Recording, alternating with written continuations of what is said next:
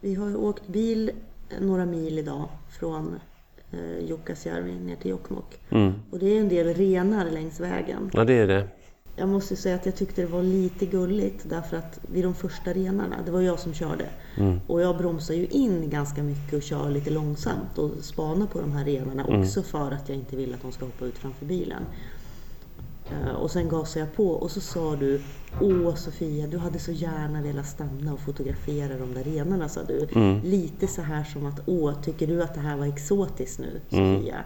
Ja, och det fina med det, det tycker jag var att nästa gång som jag bromsade in och körde jättelångsamt, då var det du som slet upp kameran. Mm. Ja, Jag vet. Det var lite gulligt. Det är som att man inte kan låta bli. Liksom. Man kan ju inte låta bli att ta den där bilden och instagramma den där bilden på renen när man åker på inlandsvägarna. Jag kunde låta bli. Ja, jag kunde inte hålla mig längre. Men det är också det här, jag tycker att det är Sen så... bad du mig faktiskt, ska säga. sen lite senare så bad du mig stanna Mm. när vi körde förbi en hel flock renar vid kraftverk. Ja, Ja ja. Men det är, ju, det, det är ju så roligt med renarna tycker jag, att det liksom är någonting som är så extremt vardagligt i en del av landet, är så otroligt exotiskt i en annan del av landet. Och då blir man ju så kluven inför den där bilden, just det här liksom, ja, ska jag röja hur exotiskt det här ändå är? Jag menar, jag har inte renar där jag bor i södra Norrland. Liksom. Eh, ska jag gå ut med det. Ja, och då instagrammade jag ju faktiskt en bild men jag var ju ändå tvungen att så här vara lite iron, ironisk så att jag skrev Oh dear skrev jag. Mm, ja, men, så att, men ehm, nej, jag tycker det, Nej, men man, kan ju se det ganska tydligt också när man, eh, när man, när man åker på vägarna. Eh, att eh, där är, ibland så står det ju stora flockar som står på vägen, som verkligen står i vägen. Mm. Och kommer det någon native, Ja. nej men kommer en, en, in, en, en inhemsk person så tutar de ju och kör och försöker Mm. bara, åh jävla renar. Och turisterna de stannar och hoppar ur bilen och vill nästan inte att renarna ska flytta på sig. nej, En väldig krock där. ja, jo men så, så är det. Det är liksom renens roll. Norrlandspodden fortsätter strax. Hotell, det är David. Ja, hej, är det David Lind Ice Hotel? Stämmer. Ja men perfekt. Du, har ishotellet smält redan nu? Det har inte smält än utan eh, ruinerna står kvar och det är fortfarande kul att se. Men du, vad, vad gör man egentligen i, i Jukkasjärvi på sommaren då? Det finns ju hur mycket som helst att göra. Vi har en restaurang med kolgrillsugn. Sen har vi ju våra aktiviteter och där är det allt mellan forsränning, Höga banan, fisketurer och så vidare. Jag tänker det här när, hotellet smälter, det måste ju bli en hemskans massa vatten. Och, och, och då blir det väl forsränning av det då. Men är det farligt? Nej, det är det absolut inte. Jag har ju kört ända sedan 70-talet här. Det fina med Torneälven är att den erbjuder något för alla. Så att den går att anpassa till både liksom upp, naturupplevelsepersonen och den som vill ha action. Men du, då tar jag cyklopet med mig och kommer upp. Härligt. Du är hjärtligt välkommen. Ja, hej hej. Hej! Alla våra rum har inte smält bort. Vill du veta mer om sommarboende på Ice Hotel Jukkasjärvi? Gå in på icehotel.se.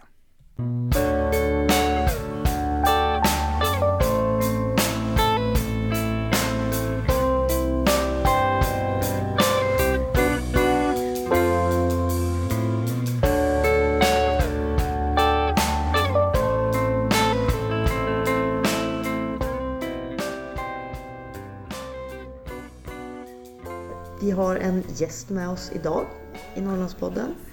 Eh, Och vi är ju i Jokkmokk och eh, i Jokkmokk bor Maxida Merak.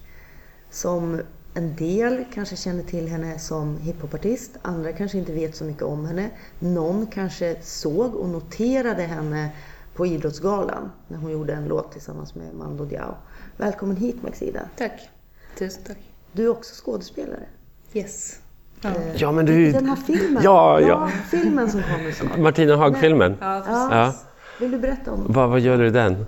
Det är ju så här, det är så lustigt, det dyker upp en film, då blir det så här stora, stora skådisgrejen. Jag har varit anställd på Sameteatern ett antal eh, föreställningar. Ehm, men eh, det var faktiskt eh, vintermark 2014 så hade jag en konsert, en privat konsert här på Aite. Eh, och då kom regissören för den här filmen och tittade och sa att hon höll på med ett filmprojekt och eh, ville hemskt gärna ha med mig i det. Och jag tog det kanske inte på så stort allvar för jag tycker man träffar alltid någon som har så projekt på G. Eh, men men de ringde faktiskt under våren och ja, helt enkelt erbjöd mig en, en talande statistroll och eh, ja, som också jojkar i den här filmen. Så mm. på så sätt var det. Men, men, men en fråga då som mm. kommer från mig. Du jojkar i filmen så, mm. mm. Och, du, och det är en statistroll. Kan du känna att, att du är med i, endast i egenskap av same? Sådär, som... eh, nej, det gör jag faktiskt inte alls. Um, jag tycker att den här filmen, den är, det är en romantisk komedi. Det roliga med den här filmen är att den till skillnad från många andra filmer där det förekommer samer har inget egentligen djupare politiskt budskap. Eh, vilket jag tycker fattas. Liksom, att det här är ett steg på vägen att komma närmare det här och kunna göra Sápmi till normen. Eh, utan det handlar helt enkelt liksom, om, en, om en tjej som ah, du vet, på, jag ska inte avslöja, men på ett eller annat sätt hamnar uppe i Norrland och mm. träffar en renskötare. Och det, som spelas av Ola Rapace. Precis, som mm. spelas av Ola Rapace. um, och ja, men det, den, är, den är kul liksom. Den, mm. den, är, den är dum och kul. Alltså, så du är inte inplockad för det liksom? Nej. Är du med om det annars? Absolut. Jag, eller nu kan, kan jag nog säga att jag har eh, lyckats tvätta bort det där. Men i början av min karriär så Um, det var också därför jag började prodda musik själv. I början av min karriär så kunde jag absolut bli bokad för att jag var den här söta tjejen som jag orkade. Och när jag inte dök upp i Colt, om jag skulle ha konsert och inte mm. hade Colt på mig så blev arrangörer förbannade på mig.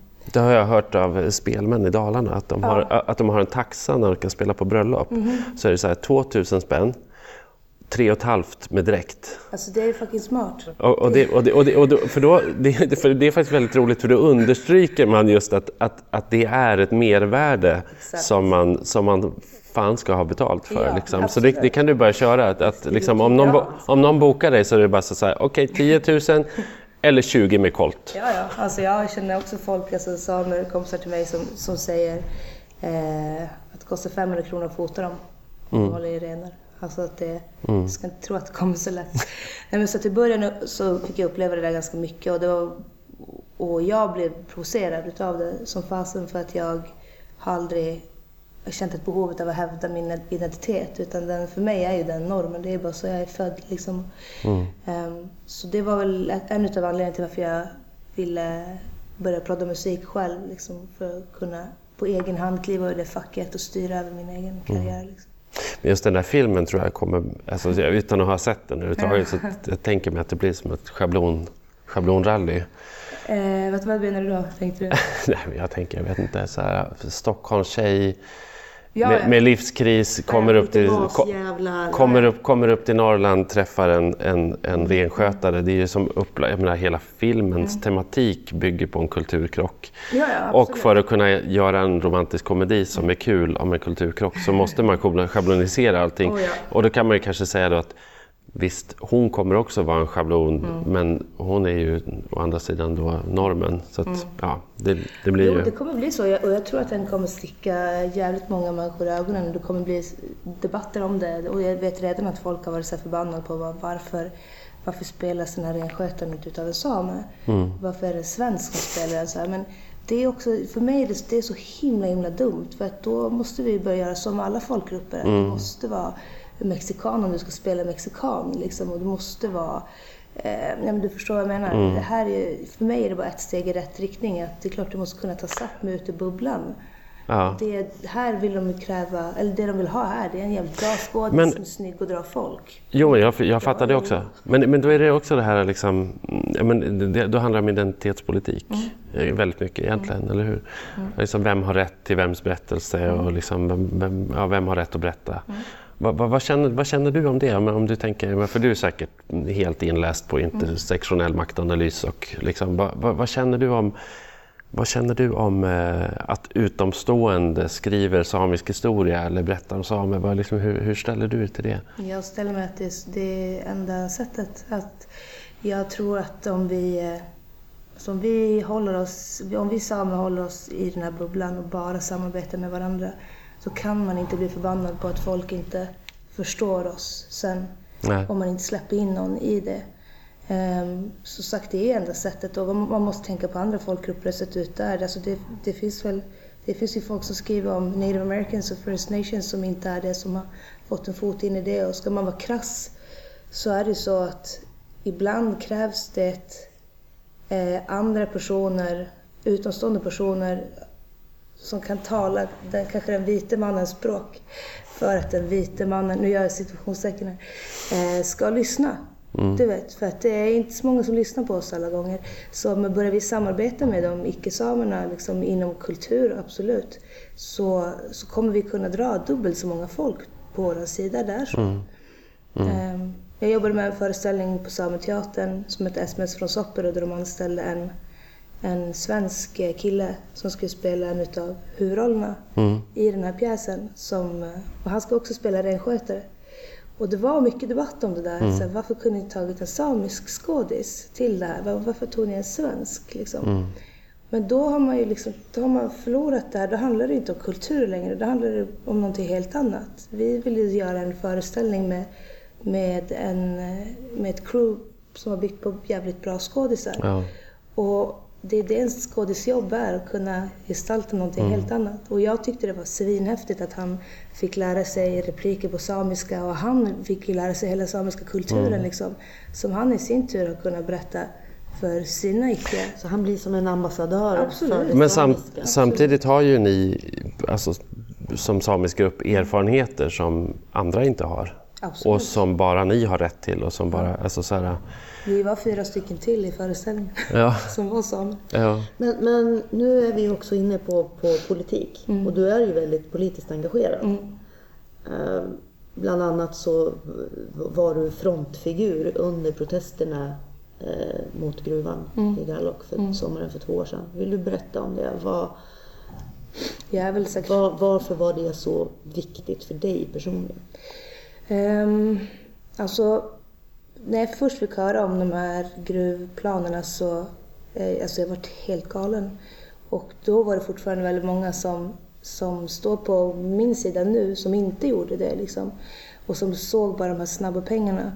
Eh, och då skulle jag börja jobba i Kiruna på Sameteatern. Och, så att jag, liksom började, jag levde i det här gruvsamhället. Jag såg liksom vad, vad, vad händer när du bygger en, en gruva på ett ställe. Och jag då blev det väldigt personligt att jag kände att det, det där får inte komma till, till våra marker. Eh, vi har ju renar där på vintern och ja, det är två samebyar som, som riskerar att alltså, gå i konkurs. Liksom. Så för mig var det bara ett självklart nej. Men varför det blev så viktigt tror jag för mig att ta en front, eh, att bli frontfigur och ställa mig i fronten var för att jag såg att majoriteten inte vågade göra någonting eller säga någonting. För jag menar Jokkmokk är extremt litet. Här i samhället är vi väl 3000 liksom. Vilket betyder att alla har någon slags connection till någon. Så att då blir människor rädda och stöter sig med varandra. Vilket gör, alltså det är, det är ett väldigt effektivt sätt att, att uh, kunna bedriva en politik över människors huvuden. Men, men, kan det vara så att du hade den styrkan och klarar av att göra det för att du också har en annan värld att falla tillbaka på? Mm, jag vet inte så jag tänker på det här med konflikter som uppstår mellan personer och individer i ett litet samhälle som Jokkmokk. Men att du också har din, du har ju också en Stockholmsbas. Ja, fast, fast jag tror inte att jag kan egentligen säga så ändå för att jag bor ju inte där. Alltså, så att det egentligen spelar inte det någon roll. Då kan man säga att ens semesterplats är ens andra eh, liksom ställe att falla tillbaka på. Det, alltså, jag har ju min familj här. Jag har ju, min dotter går på dagis här. Du vet, alltså, min sambo är en skötare här. Mm. Eh, jag har släkt här. Jag kommer, kommer inte lindra, absolut inte lindra undan än någon annan för att jag har mina föräldrar Och det blev väldigt hårt klimat i Jokkmokk under en period. Absolut, och jag tycker att det fortfarande är det. Det är det? Ja, absolut. Visst är det det. Det är bara det att jag tror att eh, eh jag tycker att vi har blivit jävligt starka, den sida som jag står på. Um, Men ni har blivit fler också, eller hur? Ja, exakt. Vi, vi, vi växer ju. Mm. Så, att då, så att jag tror liksom att de här trollen som det finns ju de som, tycker, som är för en gruva som har vettiga åsikter. Jag är inte emot människor som är för en gruva. Eh, men det finns de som har betett sig som riktiga as här liksom, och verkligen tagit det till en helt annan nivå. De har jag noll respekt för. Och de tror jag eh, backar lite nu faktiskt. Det är inte lika populärt att eh, hata öppet. Vad, vad var liksom... Har du satt dig in i ekonomin kring gruvan och vad en gruva kan göra med samhället och vilka grupper som tjänar på vad och sånt där? Har du... Mm, jo, absolut. Ja. Sen så har jag inga direkta siffror men jag sitter ju som sagt med alltså Mattias, min sambo då, som är vice ordförande i Jokkaska sameby.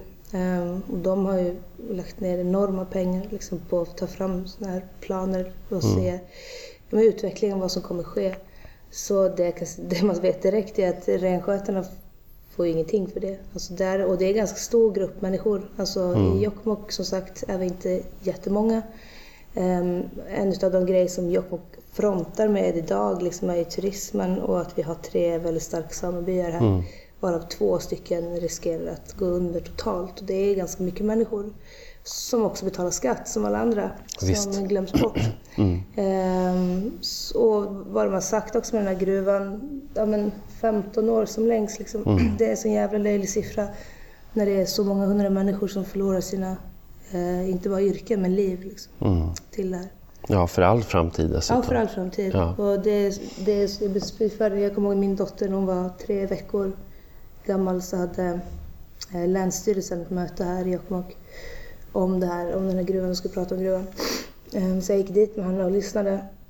Och det, det blev så himla illamående utav att de, de själva står och säger att eh, vi är för den här eh, gruvprospekteringen och, ehm, och fullt medvetna om att det är den värsta miljöförstörelse du kan göra. Det är någonting som aldrig går att återställa.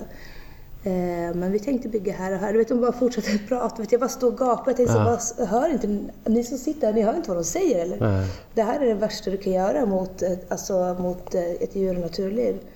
Och inte bara det. Alltså, det är det jag tror att folk missar ibland. Att de tror att det handlar om en gräsplätt som vi vill ha kvar.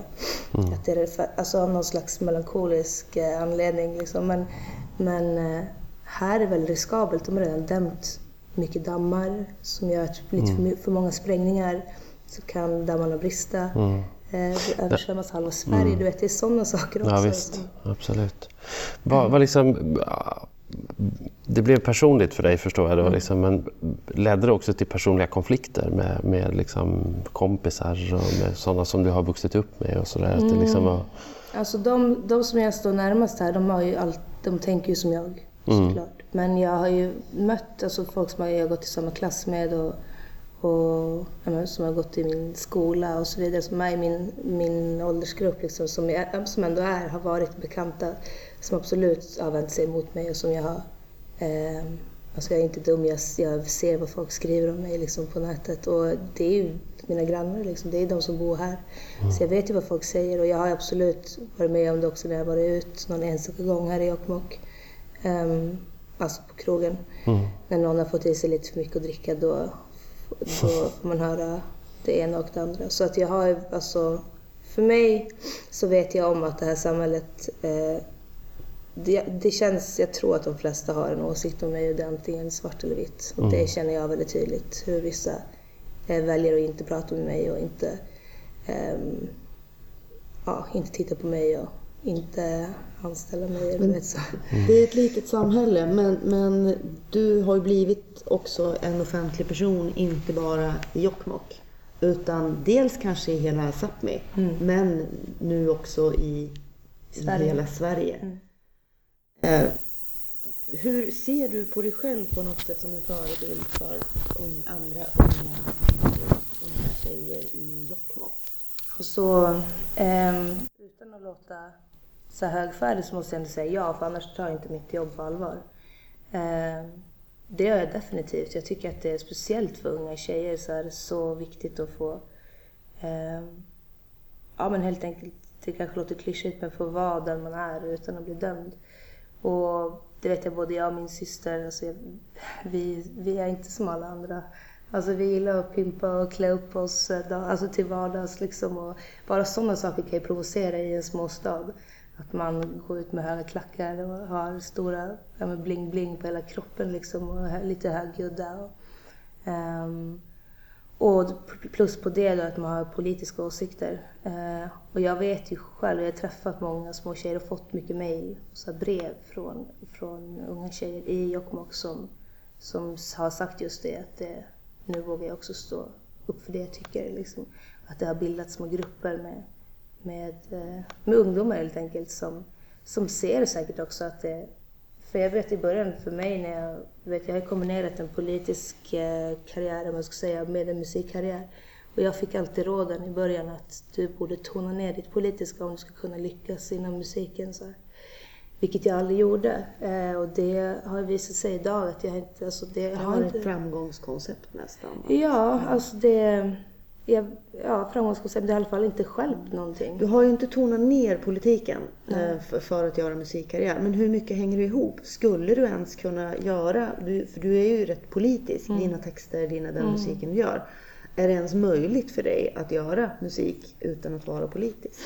Alltså det är en så svår fråga för att jag tror att alltså, allting du egentligen gör har ju någon slags politik i sig.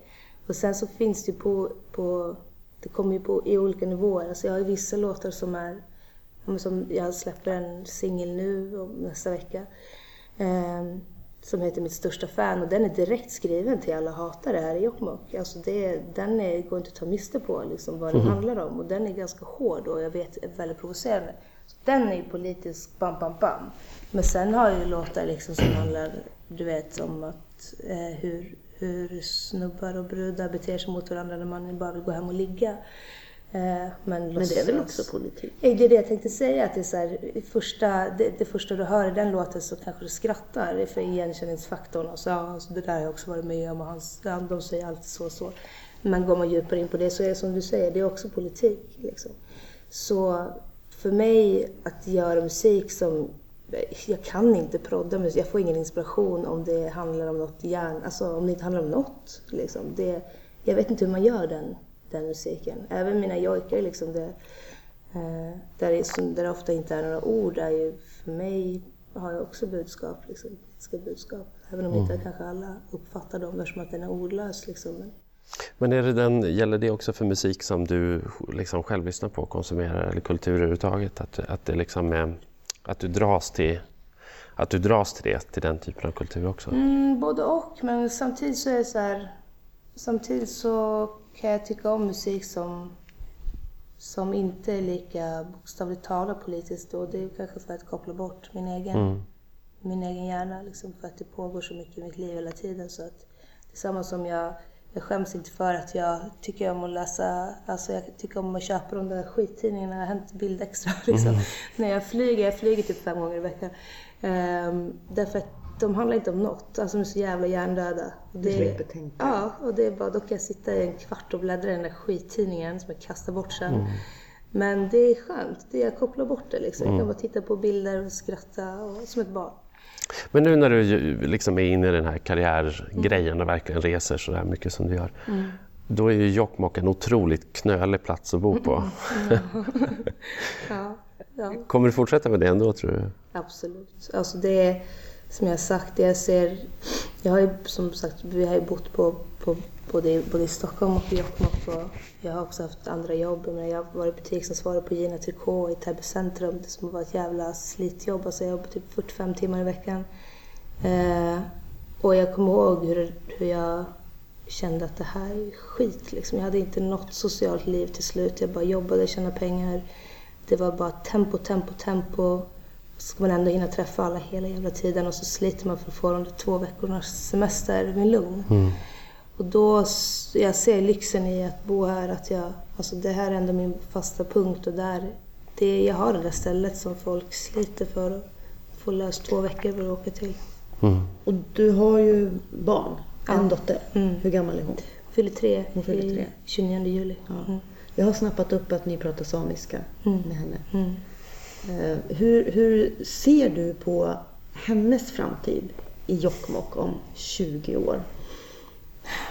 Ja. Hur, kommer, hur, hur, hur kommer den att gestalta sig? Förhoppningsvis så, så tror jag att... Eh, så jag har ändå hopp för, för, för framtiden. Hade jag inte haft det då hade slaget varit förlorat. Liksom. Um, men jag tror att, eh, hon kommer få det tufft. Absolut. Tror inte det blir lätt för henne att, att, att bedriva, om hon väljer den skötseln liksom som sin pappa så det kommer nog inte bli lätt överhuvudtaget. Eh, samtidigt som vi är ett gäng liksom, så min generation känns som en, en, en kämpageneration som försöker ta, ta sin historia tillbaka. Inte bara bland samer utan alltså, överhuvudtaget så ser jag liksom, det händer någonting i hela Sverige nu med, med min generation. Alltså, så man ser du vet, eh, vilka som dominerar till exempel hiphopbranschen. Det är ju brudar liksom och det är en jävla namma i de människorna. Så hennes framtid, hon har det ganska bra eh, hemifrån. Alltså hon har två föräldrar som har, som har, vi har liksom inte, vi behöver inte vända på varenda krona. Det, vi jobbar jävligt mycket båda två, vi är borta mycket och så men, men hon har bra förutsättningar. Har, stort, eh, har ni stort kontaktnät runt omkring er också? Familj och släkt och sådär? Det är både och. Alltså, egentligen har vi det och, och samtidigt inte. För jag har väldigt mycket familj som inte är här, vilket är svårt. Eh, Skitsvårt. Dina föräldrar bor i Stockholm. Precis, och min syra som reser mycket fram och tillbaka hela tiden. Brorsan bor i Stockholm. Och, eh, de, som, de flesta som bor här är min släkt är ganska gamla.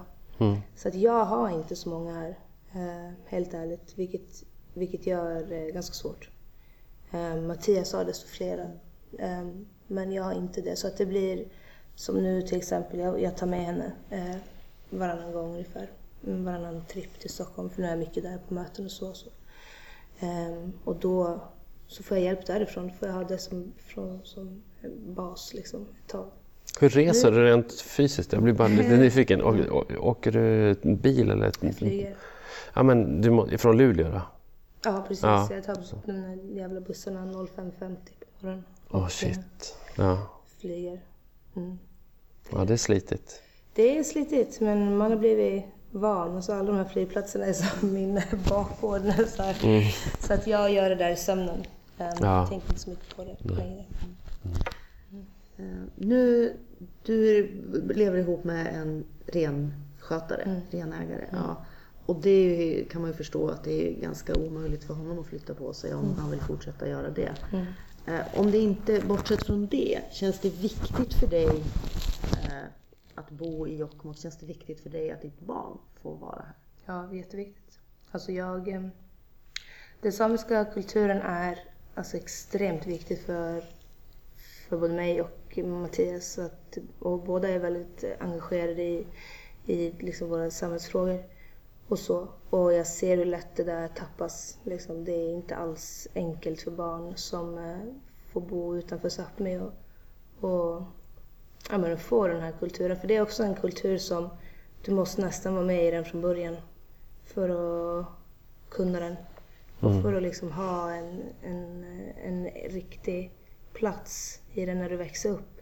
Inte alla, det är klart du kommer utomstående, men, men det är svårt. Alltså det är svårt. Och eh, här har vi till fördel att eh, men jag och Mattias pratar samiska med Sunna och hon går på ett samiskt dagis. Så att hon, hon får det där i grund och botten utan att hon behöver tänka på det. Det behöver inte bli en skoluppgift liksom. Um, och sen såklart så, mm, ja men eh, det är 10 procent av alla samer som bedriver renskötsel så att hon tillhör en, en av de 10 procenten. Liksom. Um, det, är, det är ganska stort egentligen om man tänker på det och då är det väldigt viktigt att hon får den möjligheten. Hon är en av de få som har fötts in i den världen. Ja, nu, och nu är ju du också mm, jag menar, då nästan ingift i den världen, i Mm. renskötarvärlden. Och den samiska gruppen är ju splittrad mellan renskötare och icke-renskötare. Liksom. Hur, hur, ser du på, hur ser du på den framtiden för, för liksom inom den samiska gruppen, internpolitiken i den samiska gruppen och den, den konflikten som finns där? Liksom? Mm, alltså på många, på många ställen är det ju så, och sen in, inte på alla. Liksom. Men, ehm, ja, det, där är, det där är jävligt svårt för att det där, man blir så förbannad för det är ju, det är ju Sverige liksom som har, det är Sverige som har skapat de här konflikterna. Som, och, Verkligen. och har tvingat, tvingat oss att kriga med varandra genom deras lagar. Liksom. Ehm, men jag ser, jag ser ändå... Jag har ändå hopp där också för att jag tror att kanske har vi kommit... Att våra barn åtminstone blir den generationen där man kan lägga ner stridsyxan på något sätt. Att det här är så här, det är på de här ställena där det är osämja så är det ju ofta osämja som har gått i arv. Liksom. Ehm, så Man har fått ärva de här jävla krigen liksom, för att eh, Ja, för att Länsstyrelsen har pe- pekat ut en Ja, grupp människor och precis. skuffat undan en annan. Vilket är Ja. fruktansvärt att se att det är liksom folk i min ålder som egentligen inte har något ont eh, mot varandra egentligen. Men de är bara infödda med att hata varandra. Så att det är uppväxt, de är uppväxta så. Eh, Så förhoppningsvis så kan, så kan nästa generation lägga ner det. Men det är jävligt enkelt för mig att sitta och säga den saken. Det är inte så enkelt i praktiken. Jag är ingen jävla guru. Men eh, det jag tror kan bli förändringen det är ju att, att samer själva nu eh, börjar utbilda sig till dem och hamna på de positioner där man faktiskt kan gå in och göra rena lagändringar. Liksom. Eh, och slippa ha talesmän, alltså slippa ha folk som talar för våran sak. Eh, alltså det är extremt många samer som utbildar sig till både advokater liksom, och jurister. Absolut. Hamnar upp i FN nu och så. så att, och, och jag tror att det är där, det är där skillnaden kommer att ske. Liksom. Det, det, vi måste ta oss upp till de nivåerna för det finns ingen som kommer hjälpa oss. Jag, jag, jag tänkte också på att vår nya kulturminister, det finns, Mm. det finns nog ingen person som hon har blivit fotograferad så många gånger tillsammans med sedan hon tillträdde som du, känns det som. Eh, jag tycker, jag, jag ty- tycker så, varje gång jag ser en bild på henne så är du med. Så. vad kul. Eh, Men, det, men det, känns som att, det känns som att ni eh, pratar med varandra. Ni bondar. Ja, Mm. det, jo, men det gör vi faktiskt. Det, det, ehm, det började med att vi, jag och Mimmi råkade vara i Kiruna när hon var där och skulle besöka Sametinget. Då vi lurade in oss på några vänster Mm. med lite hjälp från Sameteatern att vi skulle få ha minikonsert för henne. Och då, vi gjorde två nya stycken. Eh, eller ja, jag komponerade ihop. Jag satt kvällen innan och proddade ihop något nytt och så ja, hade vi, vi körde väl tre låtar eller något sånt där. Eh, och då fick vi väldigt fin kontakt. Så Hon blev jätteberörd utav det och mm, kunde relatera till mycket av det vi, vi sa i våra texter. Eh, och då så frågade, jag inte, så frågade jag henne om hon inte hon ville ta en bild med oss för jag visste att den kommer spridas som fasen. Och det är jävligt smart. Så jag tvingade henne att ta en bild och hon höjde näven. Eh, och sen så kom hon hit på vintermarknaden. Mm, och vi kuppade helt enkelt. Och gjorde hårkuppen. Ja, precis. Vi gjorde Sami manifest 15. Mm. Vi hade nio punkter i det samiska eh, manifestet. Och tvingade dem, hon och hennes vaktcrew, vad man ska säga, tvingade dem att stanna innan de gick in och åt lunch på hotellet. Vi hade lurat ut var de skulle vara. Så medan Mimmi läste de där punkterna så, mm, till min stora förvåning, vart jag inte nedbrottad. Skar jag av hennes hår. Ehm, och bara det faktum att hon stod kvar och lyssnade är ganska stort. Vi frågade henne rakt ut om hon hade fem minuter och hon sa nej. Så sa vi, snälla har du fem minuter? Nej, jag har tre, sa hon. Kan vi få fem minuter? och då, då backade hon och stod stilla och lyssnade och sa till sina vakter att hon skulle lyssna. Så drog jag upp den där kniven. Och då kom det direkt en vakt till mig och, och sa att om jag inte vill lägga undan den så får jag åka, åka polisbil. Men då sa jag faktiskt bara att jag ska bara skära av min systers hår. Och av någon anledning så lät han mig göra det. Det var okej att skära av sin systers hår. Ja, men jag tror att hon kände sig trygg på något sätt. Alltså hon hade mött oss förut och hon visste väl att det var, det var nog kanske värt att stanna och lyssna på. Eh, Tror att det kan göra någon skillnad? Jag måste bara lägga till det sen när du pratar om det. Att sen så kom hon samma kväll som privatperson var hon på vår konsert. Ja, Och stod okej, och dansade cool. med vår mamma. Mm. Vad Så schysst. att det var väldigt fredligt. Egentligen Ja. var det fredligt. Ja. Tror att det kan göra någon skillnad att det finns en kulturminister som lyssnar på dig och din syster och på den samiska befolkningen? Ja, definitivt. Jag tycker att det man ser i henne är att hon, alltså det är en person. Så att du kan påverka en person. Hon blev, hon blev berörd och blir berörd eh, och har gjort jättefina uttalanden om oss i tidningar efteråt. Eh, och det i sig påverkar andra personer som redan ser upp till henne och tycker att hon redan är en förebild. Ja. Så det har jättestor inverkan. Jag tänker att vi kanske har en massa lyssnare här som undrar eh, varför du skar av din syster håret. Mm. Berätta om den. Det är en ri, ri, äldre ritual Mm. som har en speciell betydelse. Ja, det har en speciell betydelse. Det, det, det finns lite olika betydelser för den, men eh, en av sakerna var att Mimmi själv bar på en, en, eh, en ganska stor sorg i sig. Eh, vi säger ofta att det, det där sorgen kan sitta i håret. liksom. Och det vet man ju från olika kulturer att du vet, om ens man har gått bort i krig och så vidare så skär man av sig håret. Och, eh, det vi ville visa på är att de här nio punkterna som vi har skrivit, det, för oss är det blodigt allvar. Det är inte något, vi sitter inte med i någon jävla liten politisk grupp liksom och bara låtsas ta i frågor utan det här är, det är stora frågor som påverkar oss hela vårt liv. Och, och till exempel en sån här gruv, gruvindustri. Eh, vi går under, alltså som människor, om det skulle byggas en gruva här i Jokkmokk. Jag och min familj hade gått i, ja vi hade gått under, jag vet inte vad vi hade gjort. Vi hade stått utan någonting. Ehm, och vi vill visa att det är så pass allvarligt det här att, att vi tar tag i den här gamla traditionen, att vi, vi visar vår sorg på och, och skär av hennes hår. Det är, på, det är på den nivån där.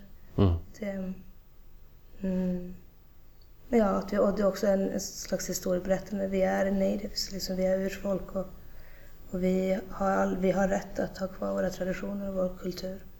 Och om ni tar den ifrån oss så kommer vi sakta ta livet kanske av oss själva. Cool. Vi, eh, Ja, vi ska, ska... vi, ska vi avrunda här? Ja, vi gör det. Ja, Ja, tack, tack så Ja, men det- mycket. Tack. Tusen Ja. tack så mycket för att du tog dig tid. Ja, verkligen. Vad ska du göra, vad ska du göra ikväll? Uff, vad ska jag göra ikväll? Jag ska fixa mina pressbilder till min release jag har nästa vecka. Och jag ska skriva ett brev som är en brevväxling till en tidning nere i Skåne. Och sen så ska jag skicka en lista till ett museum. Och sen så ska jag svara på frågor i en intervju jag fått. Och så ska jag hämta mitt barn.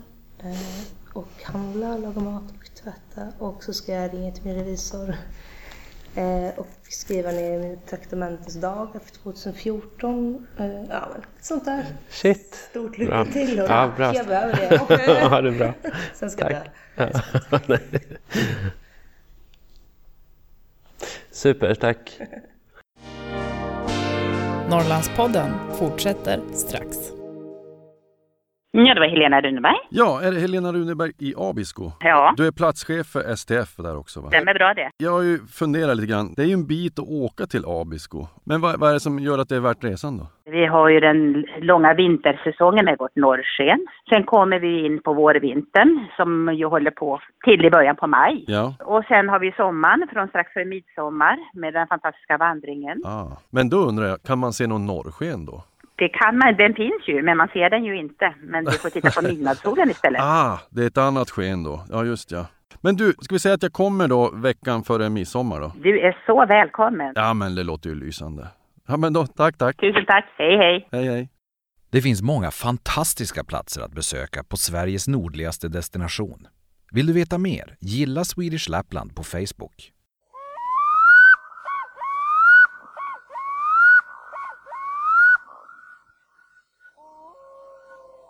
Ja, Norrlandspodden är ju idag i Jokkmokk. Mm.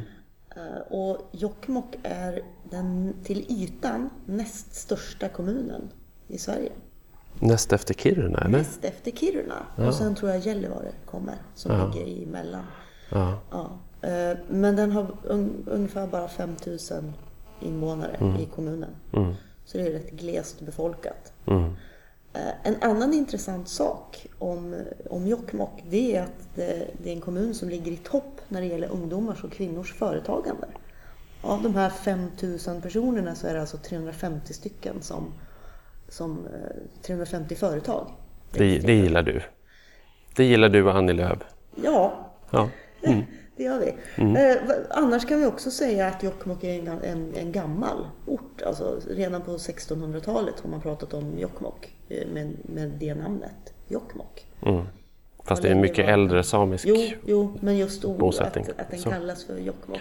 Och det var, den har ju länge varit en samisk bosättning och en, eh, fast marknadsplats från 1600-talet. Mm. Som, Men det är en grymt intressant plats idag, måste man ju säga. En, en plats Mm. som... Eh, en plats som...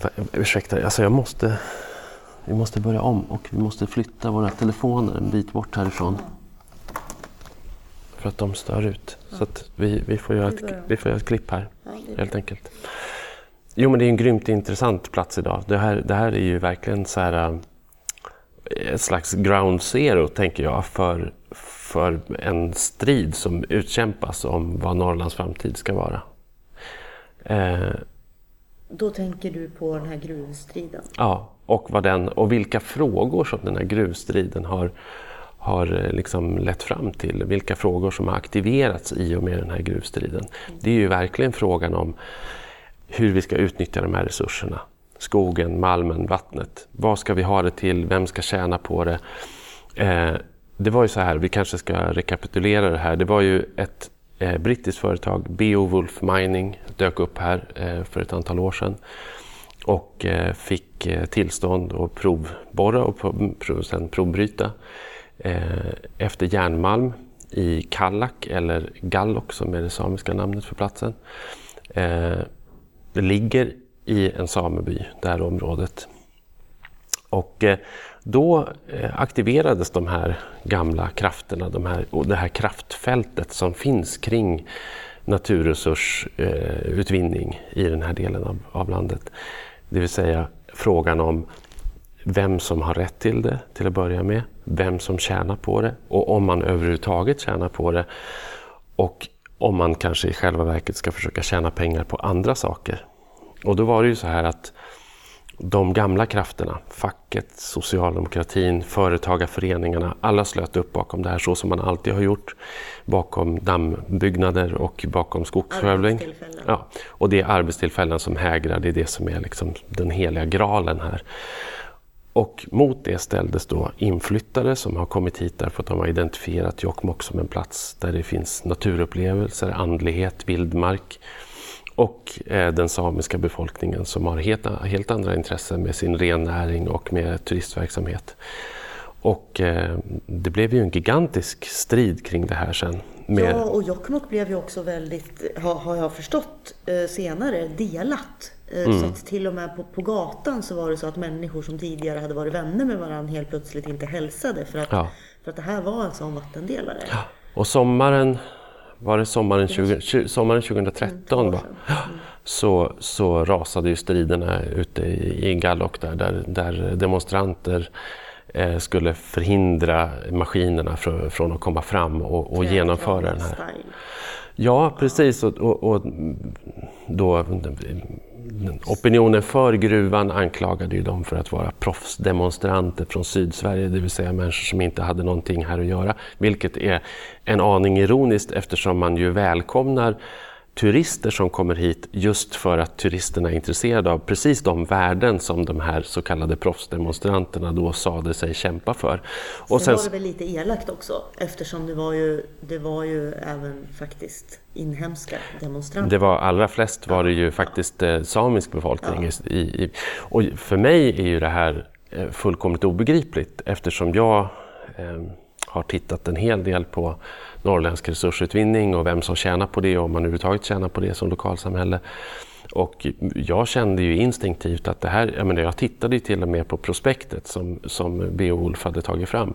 De gick inte ens ut och sa, till skillnad från andra som ju försöker skapa lokal acceptans och vara trevliga och sådär. Det här var ett väldigt otrevligt bolag och i deras prospekt så sa de inte ens att de skulle anställa lokal personal. Men de sa väl till och med att det finns ingen lokalbefolkning i det här området. Exakt, det, det är ju det här klassiska what, no lo- local, what local people. What local people. Det finns ett fantastiskt klipp som man kan leta upp på internet eh, där VDn för det här bolaget står in på en aktieägarkonferens, slänger upp en bild på ett kalhygge och så säger han att så här, många frågar mig vad lokalbefolkningen tycker om den här satsningen.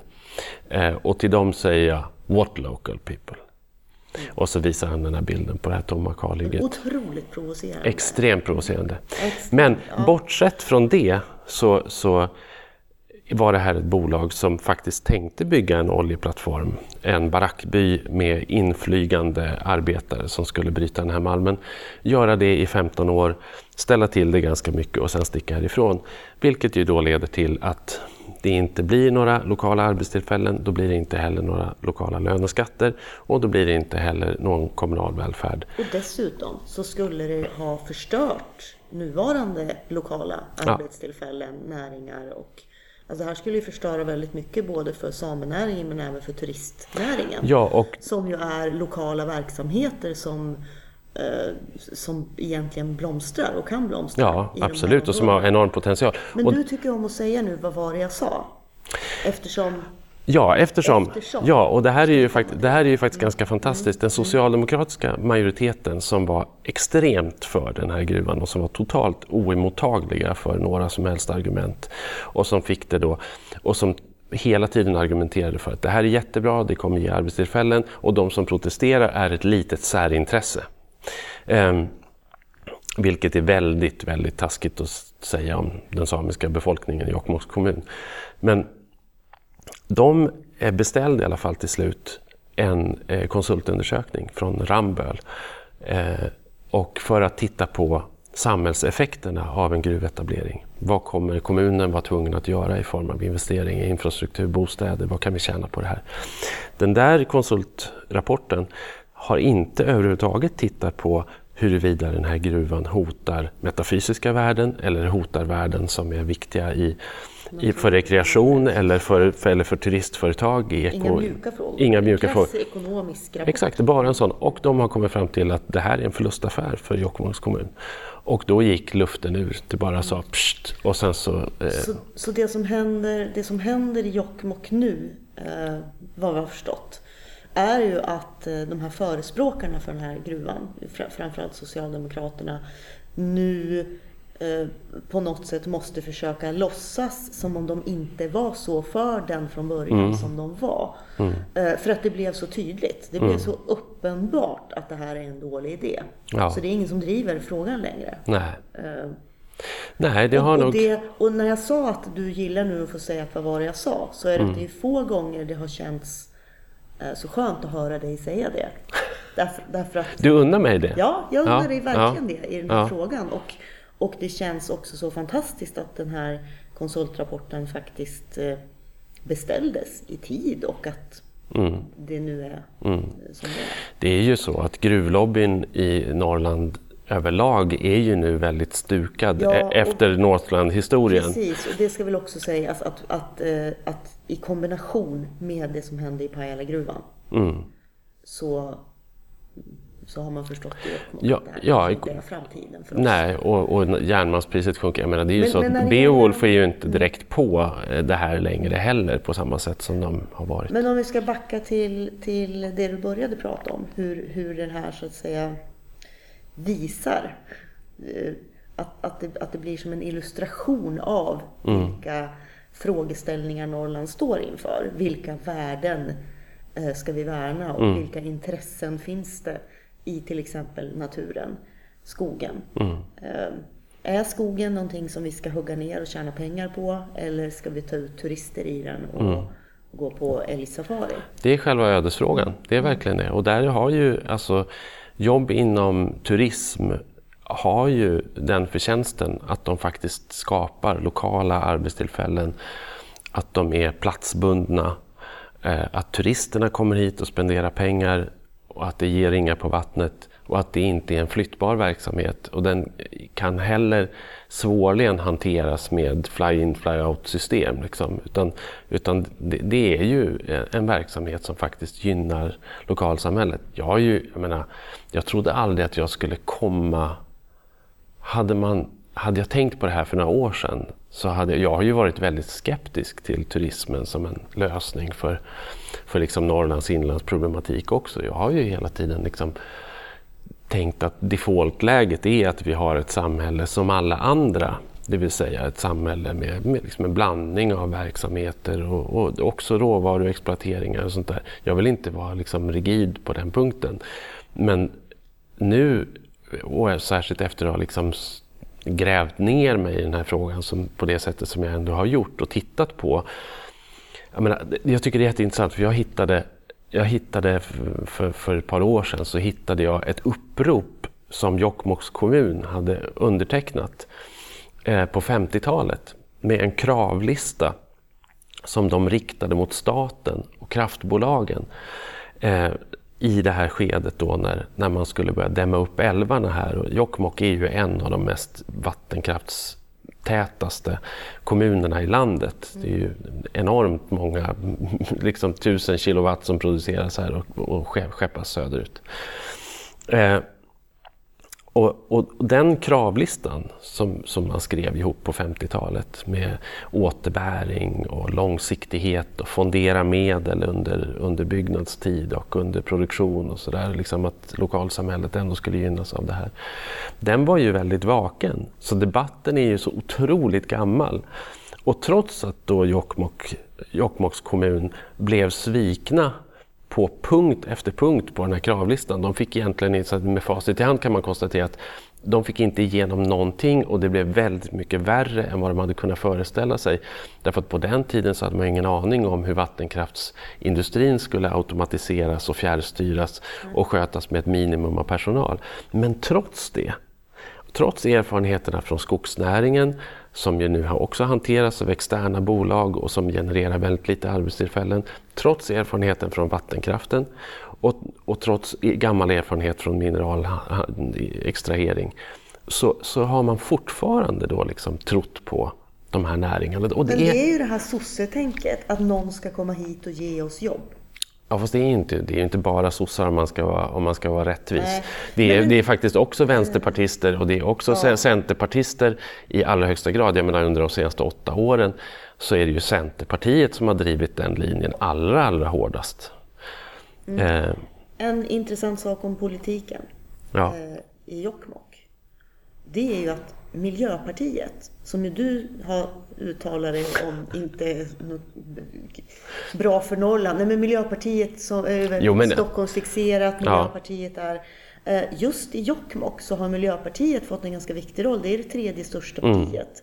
Och eh, det är också den tredje kommunen i Sverige. Alltså det, det är den Efter Stockholm och Lund? Precis, där de är tredje starkast i ja. kommunen. Ja. Och det är en intressant eh, tanke. Och det, och det handlar också väldigt mycket om den här eh, synen på naturen, ja. på resurserna. Vad ska naturen göra. som ett subjekt. Och, och Miljöpartiet har då blivit säga, de unga mm. i Jokkmokk. Eh, vänder sig till Miljöpartiet. Som dessutom har en hel del samer på, på listan. Ja, och det finns då ett parti också ska säga som heter Samernas väl som mm. ligger ganska stadigt på ett par mandat i mm. fullmäktige. Mm. Eh, men det är mer då äldre samer och, och ja, eh, medan de yngre mm. Eh, vänder sig till Miljöpartiet. Mm. Ja, jag tycker också att det är... det... Det är lite fascinerande, för Miljöpartiet är ju inte starkt i Norrbotten. I... Verkligen inte. Nej. Nej. Och det är ju som, jag menar, vi blev intervjuade av någon tidning och pratade om det här Miljöpartiets roll i Norrland och hur Miljöpartiet verkligen är så otroligt hatade. Eh, på svensk landsbygd. Man, man, man, tycker verkligen att de är Satan och jag, jag skriver ju inte under på det. Jag, liksom, jag, tycker att, jag, tycker att miljö, jag tycker att Miljöpartiet kan vara en väldigt positiv kraft också.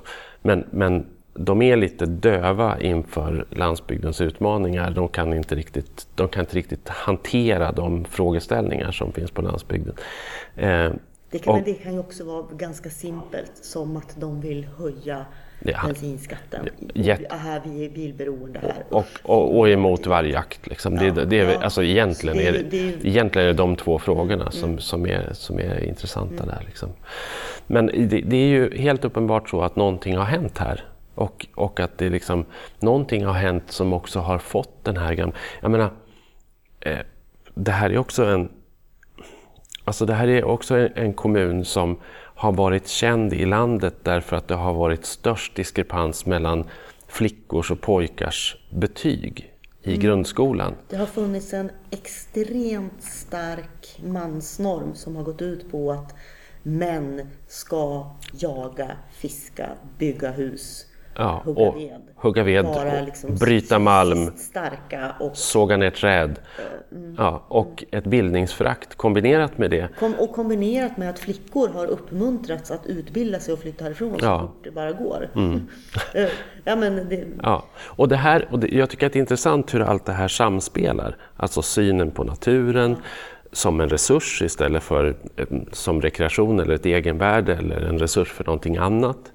Eh, kom, och sen så ställt mot eh, den här då liksom eh, råvaruhanteringen, eh, mansnormen. Och det som händer här är ju eh, liksom ett, att det är ju ett generationsskifte och en synvända. Och jag tror som är att väldigt tydligt. Det, Ja, men det, alltså- det, det är och, och som den här, det, kanske vi ska på, påtala, att eh, den, den här stora skillnaden mellan pojkar och flickor i skolan, den håller ju på att utjämnas även i Jokkmokk, men Mm. den var länge ex, extrem. Visst. Och jag tror att det här är liksom det är, på något sätt, jag menar, det är verkligen ground zero och det är, och det är verkligen så här ödets ögonblick någonstans därför att det är, det är nu det avgörs. Liksom.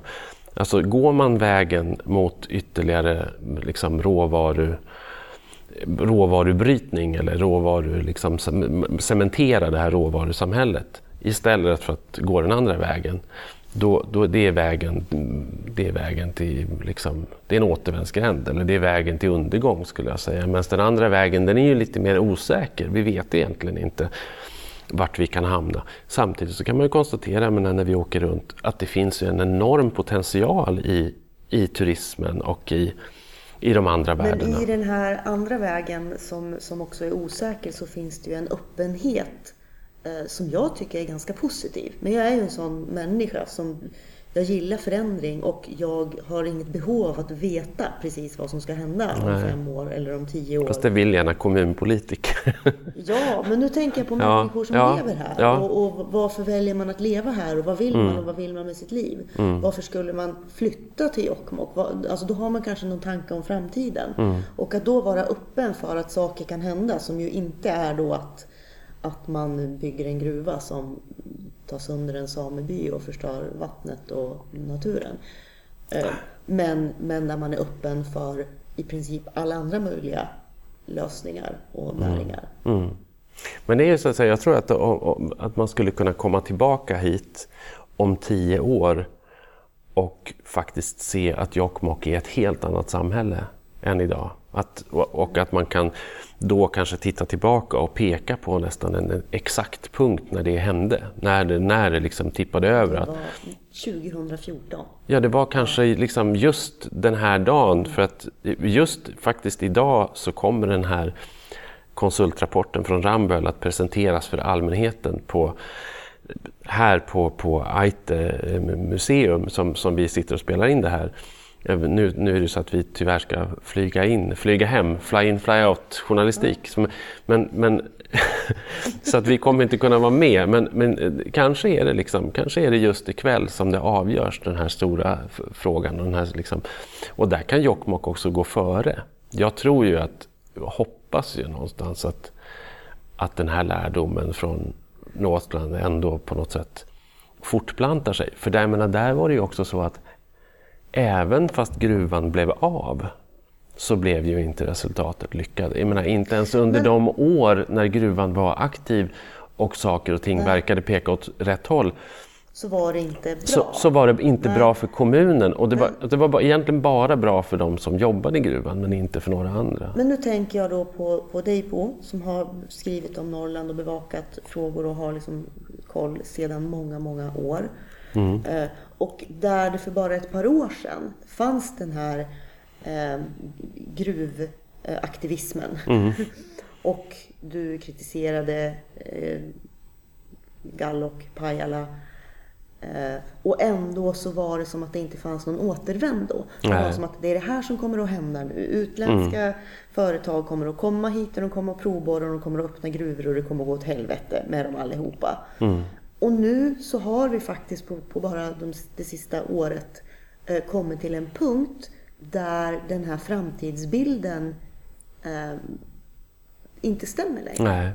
Och då undrar jag, hur tänker du i övrigt när det gäller dina övriga framtidsvisioner och tankar om vad som ska hända med Norrland Förändras de också i och med att eh, eh, den här gruvexpanderingen kanske inte blir av på det sätt som du befarade? Nej. Kommer det att påverka Norrland på något annat sätt? Nej, jag tror... Alltså, alltså, jag, jag, det jag tänker är att gruvorna var ju på något sätt, om man ska sammanfatta det som en väldigt kortsiktig lösning. Ja. På, på, ja, eller visst. inte ens en lösning, men en kortsiktig grej som skulle kunna Ja. ge några jobb här och där. Och sen skulle de lämna ett stort svart hål efter sig med skit. Mm. Eh, I och med att det kanske inte kommer att hända nu. Mm. Finns det inte möjlighet att man då i kanske väldigt liten skala till att börja med ändå kommer att kunna få nya idéer? För det är också så här att de här gruvprojekteringarna gör att andra saker står på vänt. Så är det absolut. Jokkmokk så har det varit så att människor som har idéer och vill starta företag eller kanske har börjat i liten skala Mm. inom turistnäringen eller bärplockning, sådana saker som handlar om skogen, inte har eh, vågat och de har inte vågat satsa. Nej, men så är det. expandera. Så är det. Och nu så ser situationen helt annorlunda ut och då kanske det kommer att poppa upp andra idéer som vi idag inte har någon aning om vilka de skulle vara. Det tror jag. Och, och, och tittar man på utvecklingssprång på norrländska orter, man tittar till exempel på Kiruna och på, på liksom Ice Hotel, så var det så att Ice Hotel uppstod ju efter 90-talskrisen, när Kiruna gick dåligt och när det dels fanns behov av nya tankar och nya idéer och det också fanns arbetsmarknadsåtgärder och stödpengar att få så att man kan dra igång nya projekt. Så att en kris av det slaget som är både på något sätt ideologisk och ekonomisk kan ju leda till någonting nytt. Eh, tyvärr så tror jag att, jag menar, det är ju så här att skogsindustrin, de bankar ju på precis som vanligt.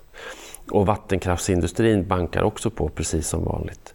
Jag har ju börjat snegla åt liksom du vet i, i USA har de ju faktiskt börjat spränga bort kraftverksdammar och öppna upp gamla älvar och sånt där för, för laxvandring och fisketurism och sådana saker. Jag har ju börjat mm, drömma om sådana saker till exempel. Och jag skulle ju gärna se att skogsnäringen liksom rullar tillbaka lite grann också och, och liksom tar mer hänsyn och framförallt också tar hänsyn till liksom framväxten av turistföretag. Så att det, det är ju verkligen, en, det är verkligen inte som att man kan luta sig tillbaka och liksom tänka att nu är, nu är slaget vunnet. Utan, och sen så tycker... jag minns för två år sedan Ja. när jag hörde dig föreläsa om Mm. Norrland. Och du fick frågan om framtiden och Mm. sådär. Och kom, finns det någon framtid överhuvudtaget? Du målar Mm. alltså svart. Mm. Och då sa du att jag tror att först kommer allt gå åt helvete Mm. och sen kommer det att bli bra igen. Mm. Och den där lägsta punkten, Mm. är det kanske där vi är eller redan har varit? Ja, i något avseende kanske. Liksom när det gäller, när det gäller idéer och när det gäller liksom stämningsläget så, så kanske, då, då kanske vi har varit... Det här är då kanske en vi har varit som är helt otrolig med Ja, tanke det är det. på vad vi pratade Ja. om i vår allra första podd. Ja, visst är det så. Visst är det så? Ja, visst är det så. Det händer saker hela tiden. Det är det som är så roligt med den här frågan. Men däremot så känner jag också att liksom det här, alltså, om vi ska återvända till det som, det som vi pratade om i avsnitt 12, liksom det första på den här nya vevan. Den här frågan om de här kulturartiklarna och debatten om tolkningsföreträdet och sådär. Så tänker jag ändå att jag, jag, jag sa inte det då, för jag kom egentligen inte att tänka på det förrän liksom när jag åkte bil hem efter vi hade spelat in. Men att det där är egentligen en skendebatt. Alltså, vem som, är, det, är det Jack Hildén och Björn Barr som har tolkningsföreträdet eller är det jag eller är det lokalpress eller är det lokalbefolkningen? Nej, det är ingen av dem. Utan det är regionförbunden och kommunerna som driver på de här liksom, tillväxttankarna och som också stressar upp befolkningen att tänka och tro att vi måste ha den här typen av råvaruhantering och råvaruextrahering för att överleva i den här delen av landet. Och det kanske är de egentligen som, som vi ska vända oss mot. Liksom. Och den, den kampen kan jag känna att den, den är inte alls vunnen utan där, därför det är nästan också som en slags ointagligt fort. Och bara häromdagen så... Fast de har ju också börjat bjuda in dig. Jo, det gör de Ja, men det är ju som någon ska ja, men det är ju för att jag är husnorrlänningen. Liksom. Det är ju för att jag är alibit också. Men, men, men jag tänker att jag menar, bara häromdagen så stod det liksom i tidningen, åter, eller i tidningen Journalisten återigen hur många journalister som anställs på kommuner och regionförbund som, för att sköta marknadsföring och PR. Och att det, där, det antalet kommunikatörer har liksom för länge sedan liksom blivit numerärt överlägsna antalet journalister i den här delen av landet särskilt. Och det är klart att det finns en fara i det och att det kanske är det är inte alls Jack Hildén eller du eller jag eller någon annan som, som sätter agendan, utan det är de här kommunikatörerna. Och de driver i mångt och mycket faktiskt fortfarande samma linje, även om de går på pumpen. Så är det fortfarande så att kommunerna och regionerna förespråkar den här den gamla ekonomin och är lite tröga där. Men då har liksom. vi vår nästa måltavla här då. Ja, kanske det.